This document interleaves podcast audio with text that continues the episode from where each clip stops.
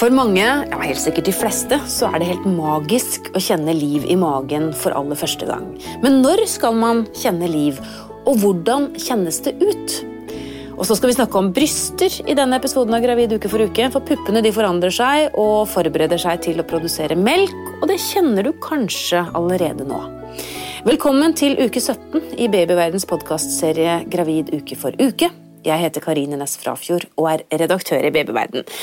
Men aller først så må vi ta en status på fosteret i uke 17. Lege Tilde Broch Østborg, hvordan ser denne babyen ut nå? Jo, den vokser stadig videre, og i uke 17 så er den blitt ca. 17 cm fra eh, toppen av hodet til tærne, og veier ca. 180 gram.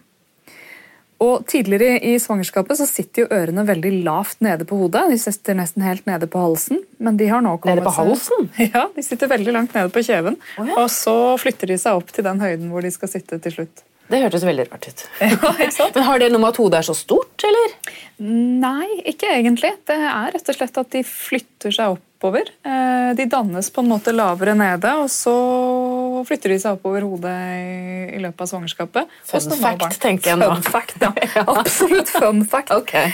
Um, og så er det sånn at uh, i utgangspunktet så begynner jo alt av skjelettet vårt som brusk, uh, men så blir det etter hvert til bein. Og i fosterlivet så danner vi altså 300 bein i kroppen. Oi. Men de slås til sammen i løpet av, eh, av fosterlivet og barneårene. Og som voksne har vi bare 206. Akkurat. Men når du sier brusk, så betyr det at eh, det lille fosteret er veldig mykt, egentlig, da? Ja, Ja. det stemmer. Det lille fosteret er veldig mykt, og så danne, omdannes eh, en, en god del av brusken til bein. Men f.eks.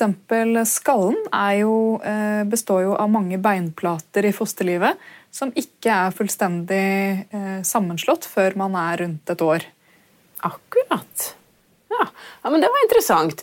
Um, og dette med å kjenne liv er jo tema i, i denne episoden. Um, noen kan kjenne liv i uke 17, men det er ikke alle som gjør det. Når er det vanligst å begynne å kjenne noe? Um, Det er forskjell på førstegang og flergangsfødende der. og Det handler nok om at de som har hatt et barn før, kjenner igjen det å kjenne liv på et tidligere tidspunkt. Enkelte hevder jo at de kjenner liv allerede i uke 15-16, men man kan nok ikke regne med å kjenne liv før i uke 19-20. Ok. Da, bør man, da er det veldig sannsynlig at man har begynt å kjenne liv. Men før man er liksom sikker på hva det er, så er det jo veldig vanskelig å, å vite om man har kjent liv eller ikke, for det kan minne om andre ting. Eh, Mange sier at de kjenner det som om luft har beveget seg i tarmen, eller altså at man luftbobler som beveger seg. Eller kanskje som liksom en sommerfuglvinge eller en fiskehale som liksom stryker på innsiden av magen. Og I starten kan, være, kan man jo være veldig usikker på hva det er, men på et eller annet tidspunkt så blir man sikker, og da er man liksom ikke i tvil lenger. Nei.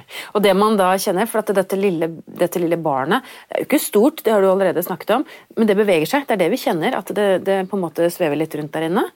Det er eh, ofte at en kjenner rett- og slett arm- eller fotbevegelser. Ja. Eh, man kan kjenne hikke som en sånn rytmisk eh, bevegelse. Eller man kan kjenne vridninger, altså at fosteret på en måte bytter stilling. Ja, akkurat. Og det er klart at jo større fosteret blir, så regner jeg med at eh, jo mer bevegelser eh, kjenner man jo. Det er litt sånn ja og nei. Man kjenner eh, mer bevegelser, men mot slutten av svangerskapet så kan bevegelsesmønsteret endre seg ved at fosteret har ikke fullt så mye plass, og det blir ikke disse store utslagsbevegelsene, Nei. men mer på en måte vridninger. Eh, vridende bevegelser. Men eh, etter uke 25 så skal man i utgangspunktet kjenne liv hver dag. Eh, Og føler man en betydelig reduksjon i liv, så skal man ta kontakt med, med fødeavdelingen. Ja. Enkelte tar også kontakt fordi de kjenner for mye liv, men, men det, er, det er ikke noe faresignal. For Det mye, bare- det blir ikke for mye liv. Det kan aldri bli for mye Det liv. kan aldri bli for mye liv, selv om det kanskje oppleves slitsomt. Men, men det er det sånn at i uke 17 og fram til uke 20 så, så, så kan man ikke være bekymret, egentlig. Da, da må man bare ta det som en bonus da, hvis man kjenner noe. Ta det som en bonus hvis man kjenner noe, og så er vi jo før levedyktighetsgrensen, så det er ingenting helsevesenet kan bidra med, men i tillegg så er fosteret har ikke på en måte etablert noe mønster for livet ennå. Så det er for tidlig å på en måte begynne å kjenne veldig aktivt etter. men ta det som en bonus hvis man kjenner det. Dette litt skumle ordet levedyktighetsgrensen, forklar det. Levedyktighetsgrensen. Det handler om når vi eh, tenker at vi har eh, mulighet til å redde barnet hvis det skulle eh, komme til verden. Og Den grensen har jo flyttet seg betraktelig de siste 20-30 årene. Levedyktighetsgrensen nå i Norge den regnes fra uke 23 pluss 0. Da regner vi altså som ukene og dagene som vi har snakket om tidligere. Men det er klart at i uke 23 pluss 0 så er dødeligheten veldig, veldig stor. Men den stiger altså dag for dag etter uke 23 pluss 0. Men konsekvensen av det, det er at frem til uke 23 pluss 0 så er man selvfølgelig veldig gravid, men vi har ikke så mye å hjelpe til med. Mm. Um, sånn at um, der er nok frustrasjonen stor hos, hos mange. at at frem til uke 23 så, så har fødeavdelingen lite å bidra med i forhold til barnet. Du sier at uke 23 gjelder her i Norge. Er det sånn i andre land også? Der er det variasjoner fra land til land. Norge har trukket det veldig langt ned til uke 23. Ehm, noen få land har trukket det enda lenger ned, men da har man enda dårligere prognose. Vet du hvor tidlig man har klart å redde et barn? usikker på. Jeg tror det finnes noen sånne ekstreme, eksepsjonelle rekorder fra Japan hvor man har klart å redde ned i uke 21-22, men, men, det er altså, så sjelden at man kan ikke ta det med i betraktningen. Nei. Vi skal snakke mer om det selvfølgelig i den eh, episoden som heter Uke 23. nettopp, For det er jo naturlig at vi snakker om det da. Nå er vi bare i, i uke 17 og er glade for å kjenne liv hvis vi gjør det. Men igjen, hvis man ikke kjenner liv, så skal man heller ikke gå rundt og være bekymret. Nei, det syns jeg absolutt ikke. Og det, igjen, det tar litt tid før fosteret etablerer en ordentlig rytme for liv. Eh, når man kjenner liv, vil være avhengig av om man har vært gravid før. Det kan være avhengig av hvordan morkaken ligger. Eh, ofte så har de som har morkake på fremre vegg av livmoren, kjenner liv senere enn de som har morkaken på bakre vegg. Så det er mange ting som kan spille inn i dette med å kjenne liv. Det var en god oppsummering. Tusen takk skal du ha, overlege Tilde Bråk Østborg, som jobber på kvinneklinikken på Stavanger universitetssykehus. Etter pausen så skal vi snakke om pupper med jordmor Anette Hegen Mikkelsen.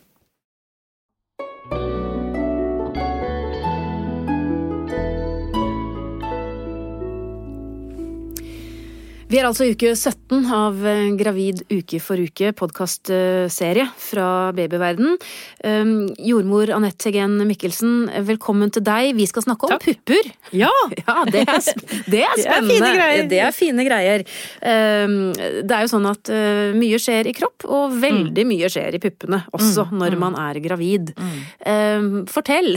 ja, altså mange opplever jo at det er en av de aller første tegnene på at man er gravid. At man kjenner at man har veldig spreng i puppene, at de er veldig ømme, at de vokser, at det skjer noe der. Tidlig. Tidlig. Ja. Veldig tidlig kan det skje. Ja. Og det er jo fantastisk å tenke på syns jeg da at eh, kroppen er lagd sånn at dette med maten til barnet, det, det begynner allerede å forme seg veldig tidlig i, eh, i svangerskapet. Ja, det betyr mm. at kroppen virkelig forbereder den seg. Funker. Ja, den ja, funker. Den funker. Eh, men, men er det sånn at det kan gjøre vondt?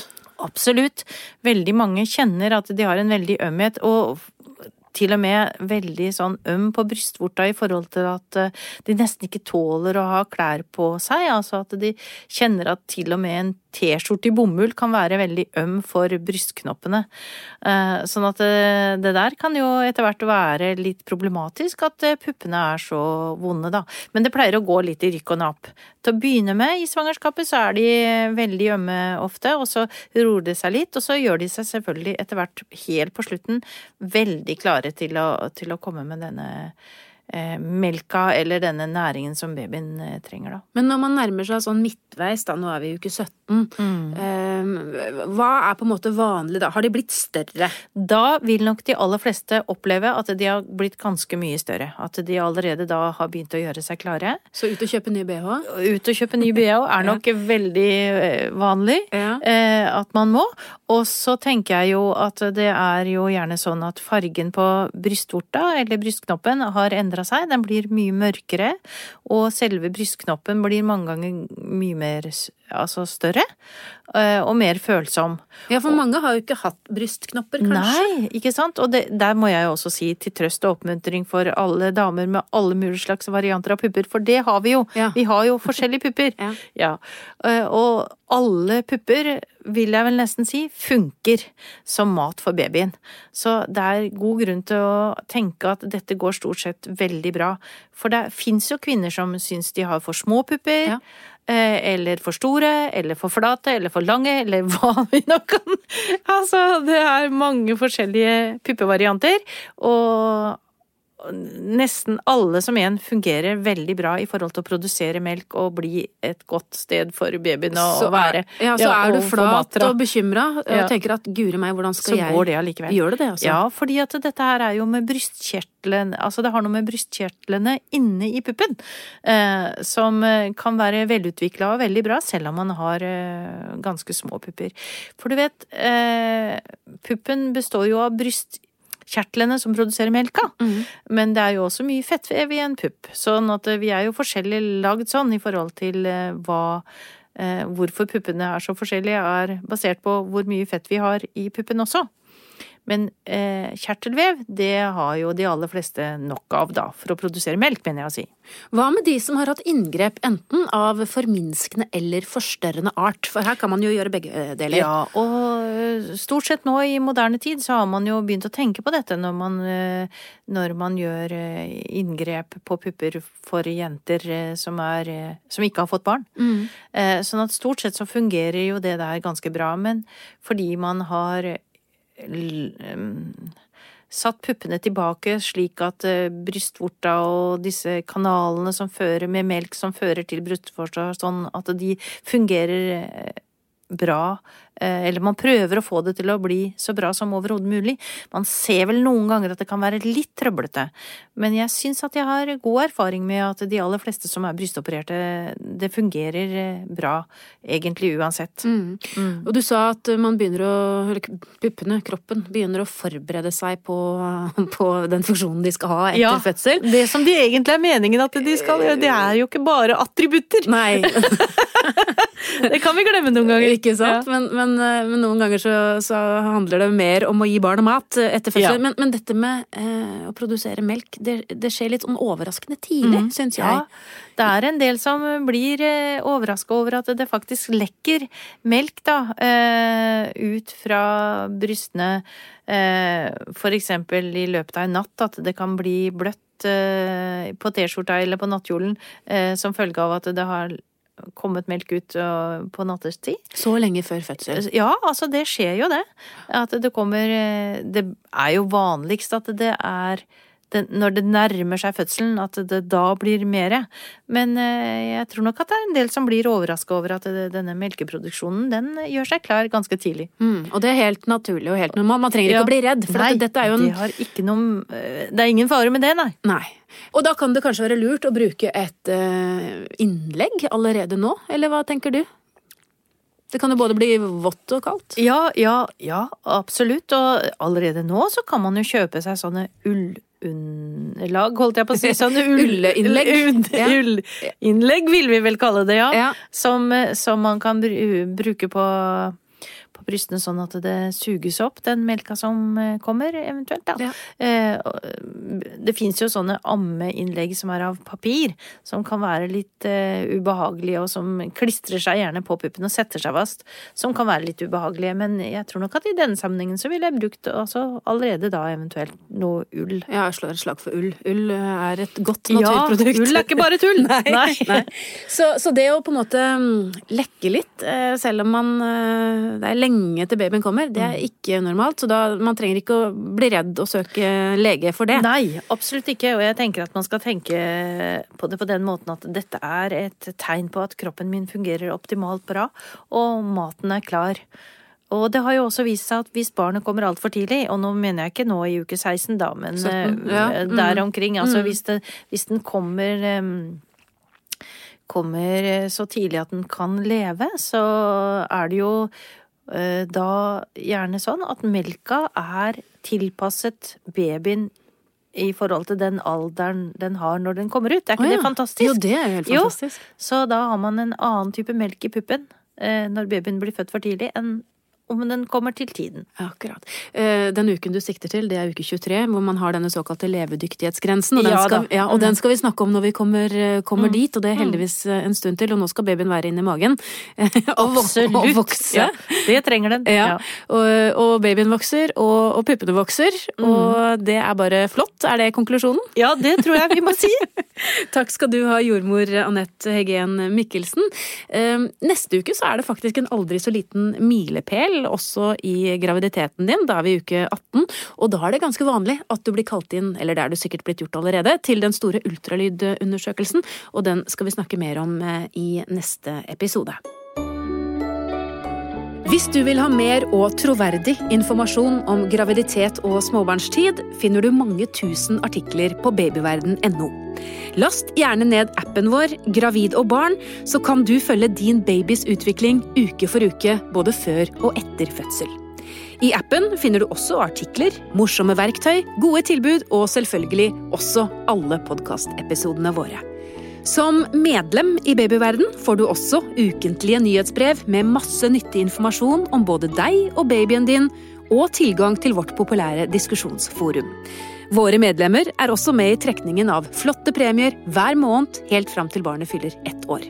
Alt er selvfølgelig helt gratis.